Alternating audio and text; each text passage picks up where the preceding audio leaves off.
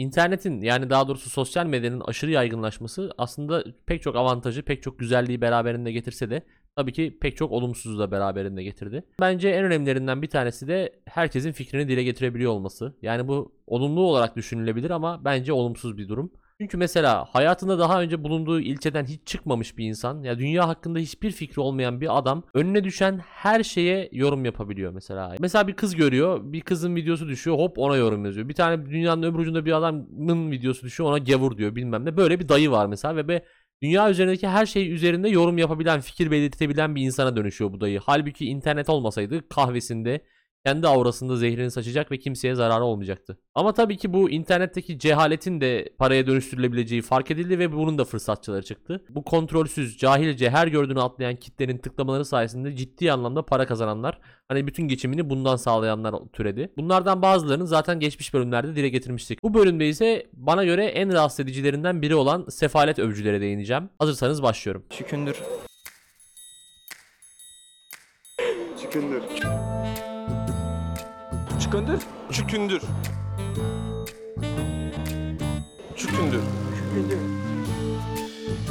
Şükündür. Onu da duydum ama şükündür. Şükündür. Çükündür. Şükündür. Aslında bu sefalet övücülüğün temelinde yatan konsept nostalji. Tabii ki kimse durduk yere sefaleti, fakirliği övmek istemez. Ama işte nostalji şemsiyesine sığınıyorlar. Çünkü herkes eskileri çok güzel hatırlar. Çok güzel yad eder. Eskiler ne güzeldiler. Ben hiç şey du- duymadım yani. Hiçbir yaşlıdan özellikle vay şimdiki günler ne güzel falan dediğini duymadım. Ve insan beyni genelde olumsuzlukları silmeye meyilli olarak çalışıyor. Yani geçmişte yaşadığınız bir anı varsa onun güzel yanlarıyla hatırlıyorsunuz ama olumsuz yanlarını biraz silmeye meyil ediyor insan beyni. Hani benim de aslında böyle mesela hani anlattığım çoğu şeyi aslında buraya anlatmadan önce iyi bir anı olarak hatırlıyorum ama mesela burada anlattığım zaman bir bakıyorum aslında pek çok altında travma, pek çok olumsuzluk yatıyormuş. Veya örnek veriyorum mesela lise çok güzeldi diyorum. Mesela hep ben liseyi çok iyi diye hatırlarım. Ama otur yaz kardeşim lisede neler oldu neler bitti bana bir lisedeki bir gününü özetle desen baktığımda gerçekten pek de aslında nitelikli olmayan bir anılar bütünü ortaya çıkıyor. Tamamen o dönemki hormonal ve zihinsel durumlarla alakalı bazı durumlardan hoşlanma, bazı durumlardan keyif alma durumu ortaya çıkıyor. Hadi biz neyse biz zaten 90'lar müzik falan, carçurt falan onları övüyoruz maksimum nostalji diye. Ama bizden bir iki önceki neslin eskiyi övmesi bir var ki her şahit olduğumda kulaklarıma inanamıyorum. Yani bunu da övmezsin be kardeşim diyorum. Örneklendirelim. Bir tane aile büyüğümüzden bahsedeceğim. Aile büyüğümüz şimdiki neslin ne kadar saygısız olduğundan bahsetmek için bize şöyle bir örnek vermişti. Şöyle diyordu. Şey, onun ağzından konuşuyorum. Benim babam yemeği beğenmezse böyle yer sofrasını yıkardı.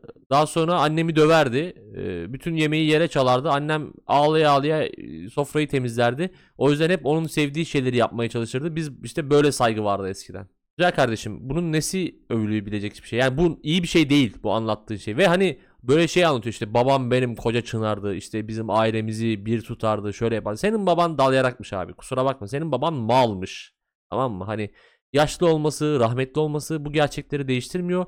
Ve bu anlattığın anı da gerçekten övülecek bir şey değil. Yine aynı aile büyüğümüz yine işte babasının ne kadar otoriter ve ne kadar saygıdeğer bir insan olduğunu anlatmak için şöyle bir örnek verdi. Bu 5 yaşındayken babası buna görev veriyor. Git diyor tarladaki kargaları kov. Oyuna dalmış ve tarlaya kargalar girmiş bir iki tane. Babası bunu görüyor. Bir dövmeye başlıyor. Bakın 5 yaşındaki çocuğu döve döve. Bir koyuyor. e, çocuk bilincini yitirip dereye düşüyor ve akıntıya kapılıyor. Daha sonra köyün ilerleyen bölümlerinde bir yerlere takılıyor. Allah'tan kafasını oraya buraya çarpmıyor da. Hani ve boğulmuyor da tabii Allah tarafından.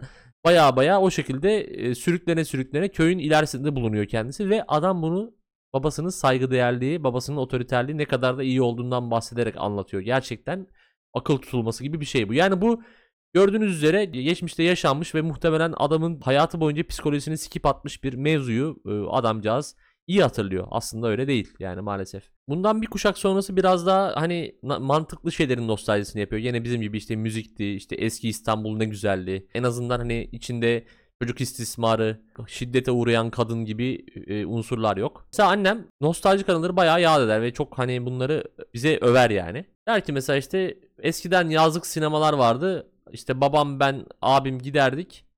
E, gazoz içerdik. Çok güzeldi. Şimdi ben tahmin ediyorum yani annem muhtemelen tabii ki güzel tarafı almış anı olarak. Ama ben şöyle düşünüyorum. O yazlık sinema muhtemelen ekranı bok gibi. Kontrastı falan iyi ayarlanamamış.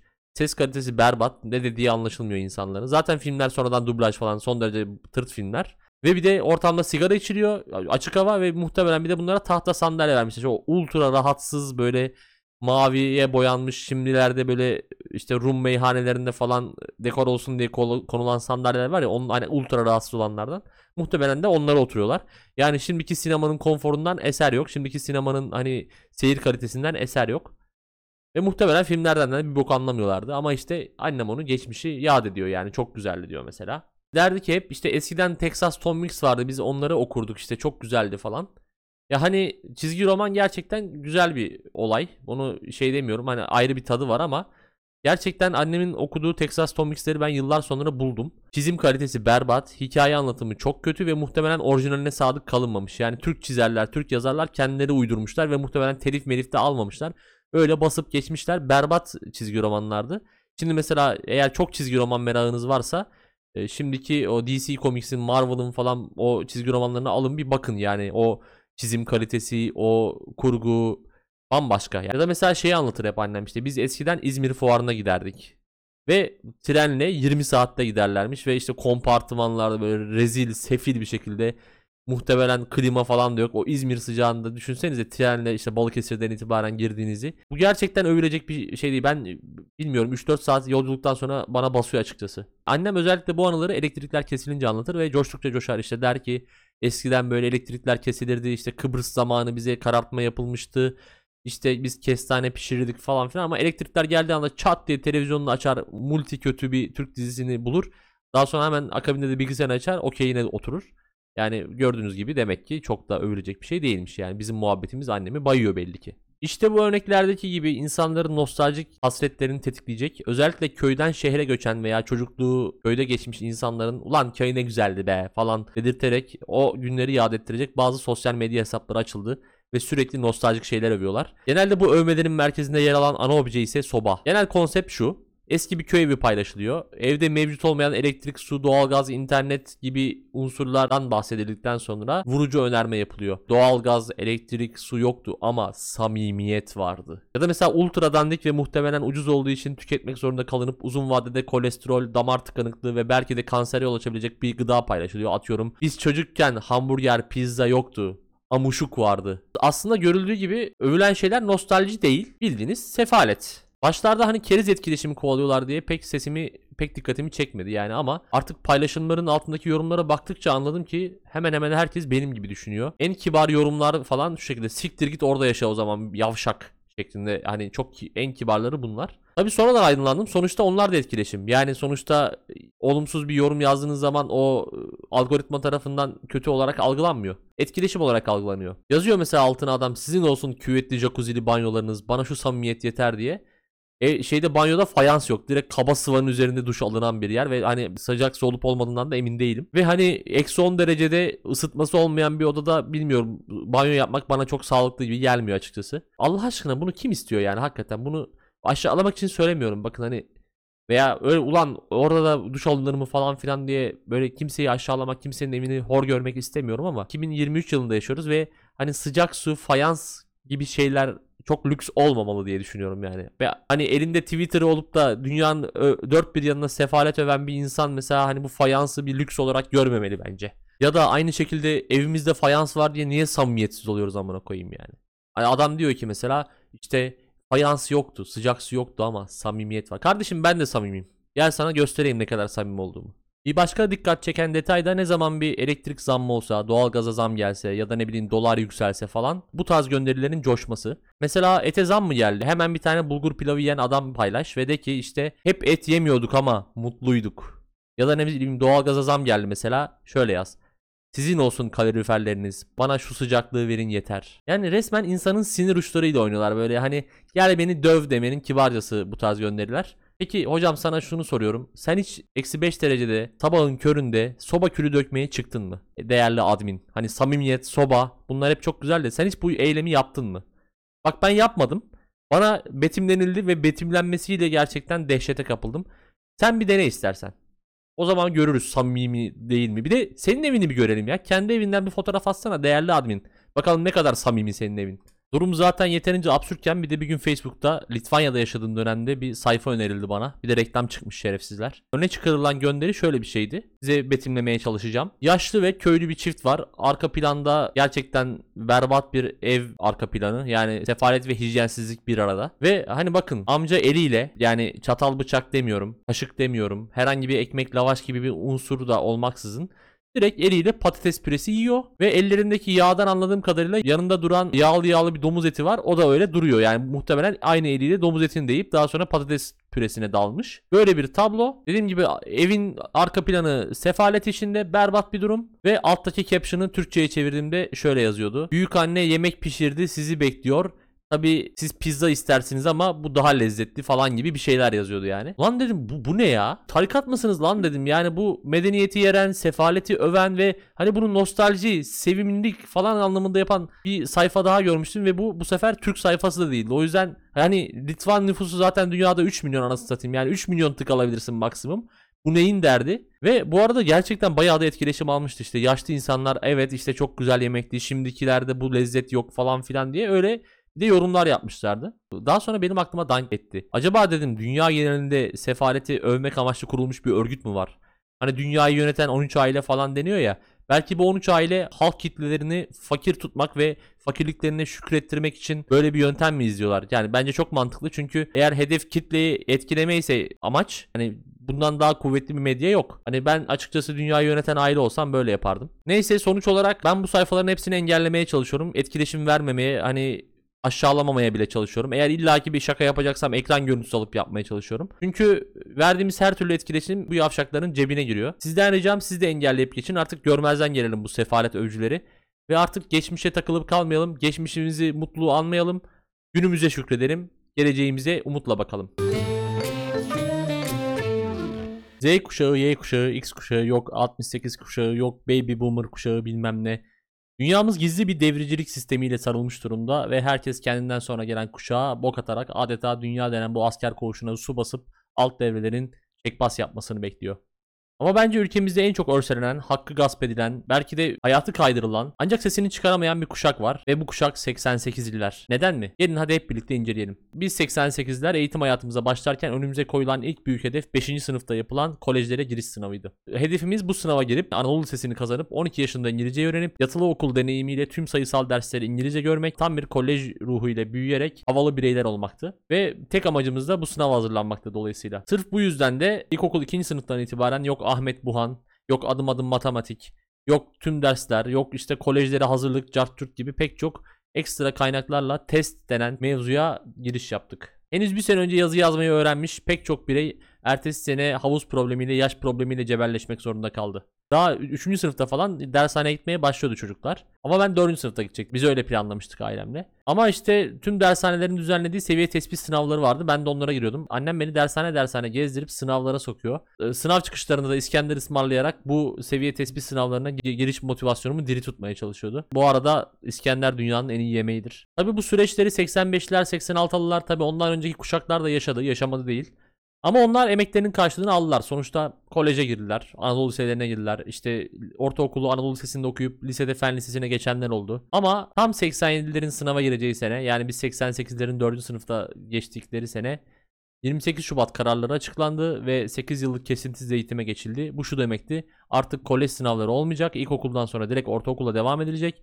Meslek liseleri, Anadolu liseleri ve imam hatipler artık lise 1'den itibaren öğrenci kabulüne başlayacaklardı. Yani zafere giden yolda çekilen çile kutsaldır diye bir laf var ya işte bizim çektiğimiz çile zafere değil haybeye gitmişti. Annemin o İskenderleri boşa gitmişti. Bütün o İskenderler boşa ısmarlanmıştı. Üstelik 88'lerin çilesi daha yeni başlıyordu. 5. sınıfta girmemiz gereken kolej sınavının benzerine 3 sene sonra lise giriş sınavı için girdik. Bu sene herhangi bir sınav iptali, müfredat değişikliği, ulusal felaket falan yaşanmadı. ilginçtir. Ama şöyle bir şey vardı. 2002 Dünya Kupası vardı. Daha önce de anlattığım üzere. Ve biz lise giriş sınavına girerken Costa Rica Türkiye maçı oynanıyordu.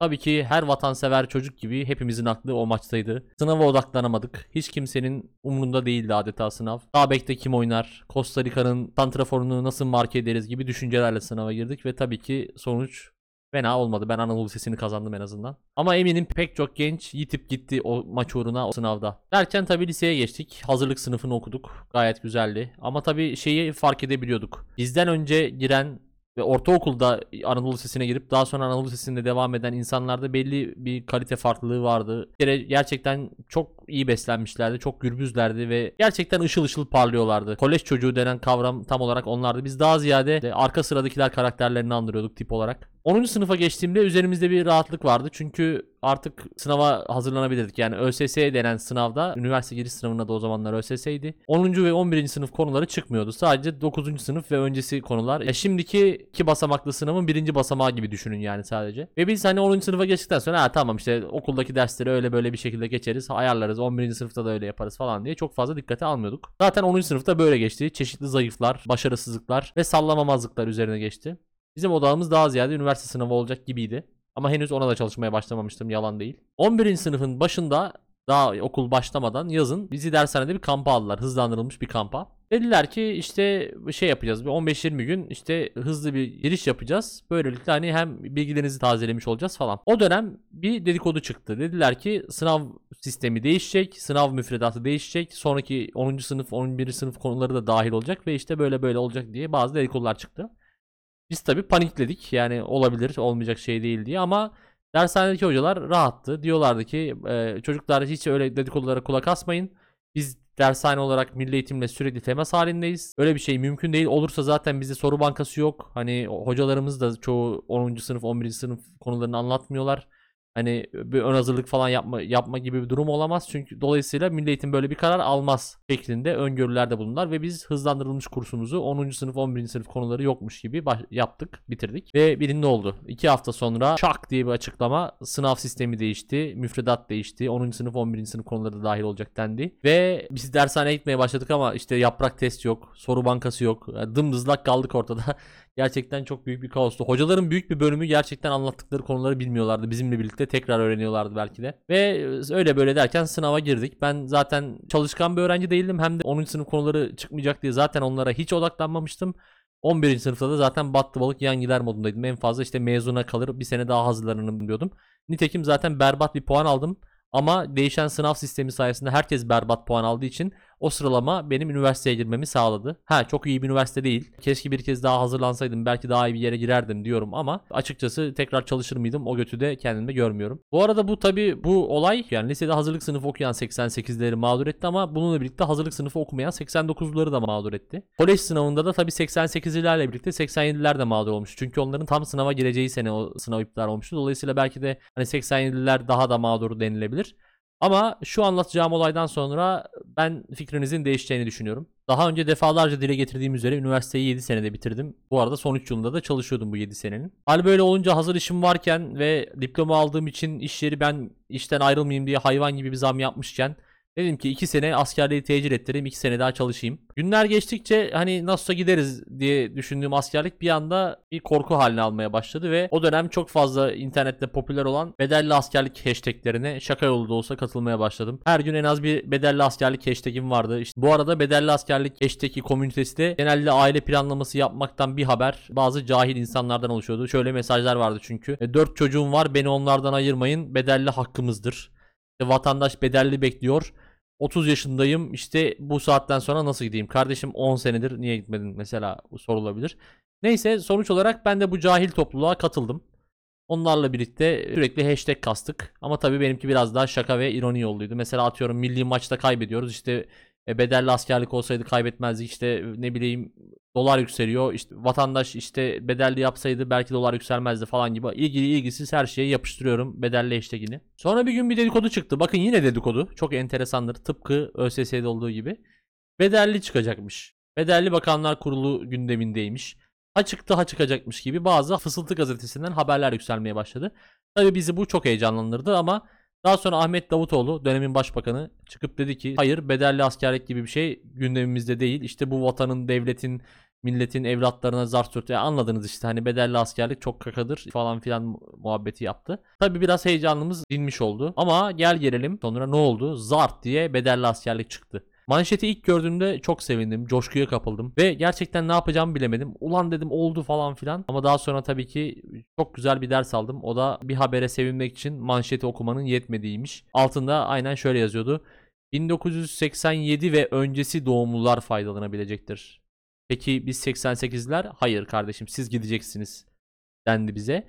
Ve daha sonra kamuoyundan ve 87 doğumlu Kürt vatandaşlarımızdan gelen tepkiler üzerine 1 Ocak 1988 günü de bu bedelli askerlikten yararlanabilecekler listesine dahil oldu. Ve tam başında avcumuzu yaladık. Bu da tabii hem zaten moralim bozuk hem de millet beni aramaya başladı tebrik için. Ha Serdar işte tebrikler işte hacı şey oldu bedelli çıktı falan filan diye ben insanların bir bölümüne 87'liler ve öncesi doğumlar için geçerli olduğunu anlatmaya çalıştım. Bazısına da 87'li olmadığımı anlatmaya çalıştım. Çün- Çünkü kendileri beni 87'li zannediyorlarmış ilginç bir şekilde.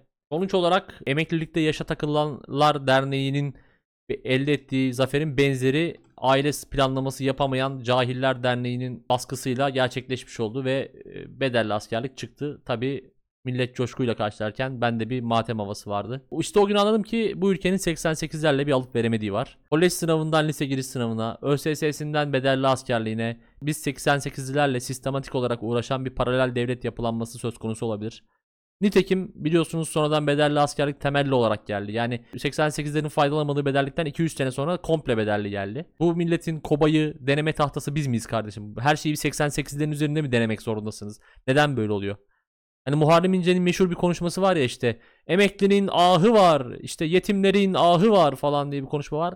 O konuşmanın sonuna yapay zeka ile 88'lilerin ahı var eklemek istiyorum. O hale geldim yani. Bence biz 88'liler olarak örgütlenmeli ve bundan sonra daha fazla mağdur olmamak için çalışmalıyız. Artık bundan sonra devletle pek bir işimiz kalmadı ama emin olun bu emeklilikte yaşa takılanların acısı bizden çıkarılabilir. Belki tam bizim emekli olacağımız sene emeklilik yaşı 75'e falan çıkabilir. O yüzden buradan tüm 88'lilere sesleniyorum. Gelin birlik olalım, birlikte hareket edelim ve her an tetikte olalım ne olur ne olmaz.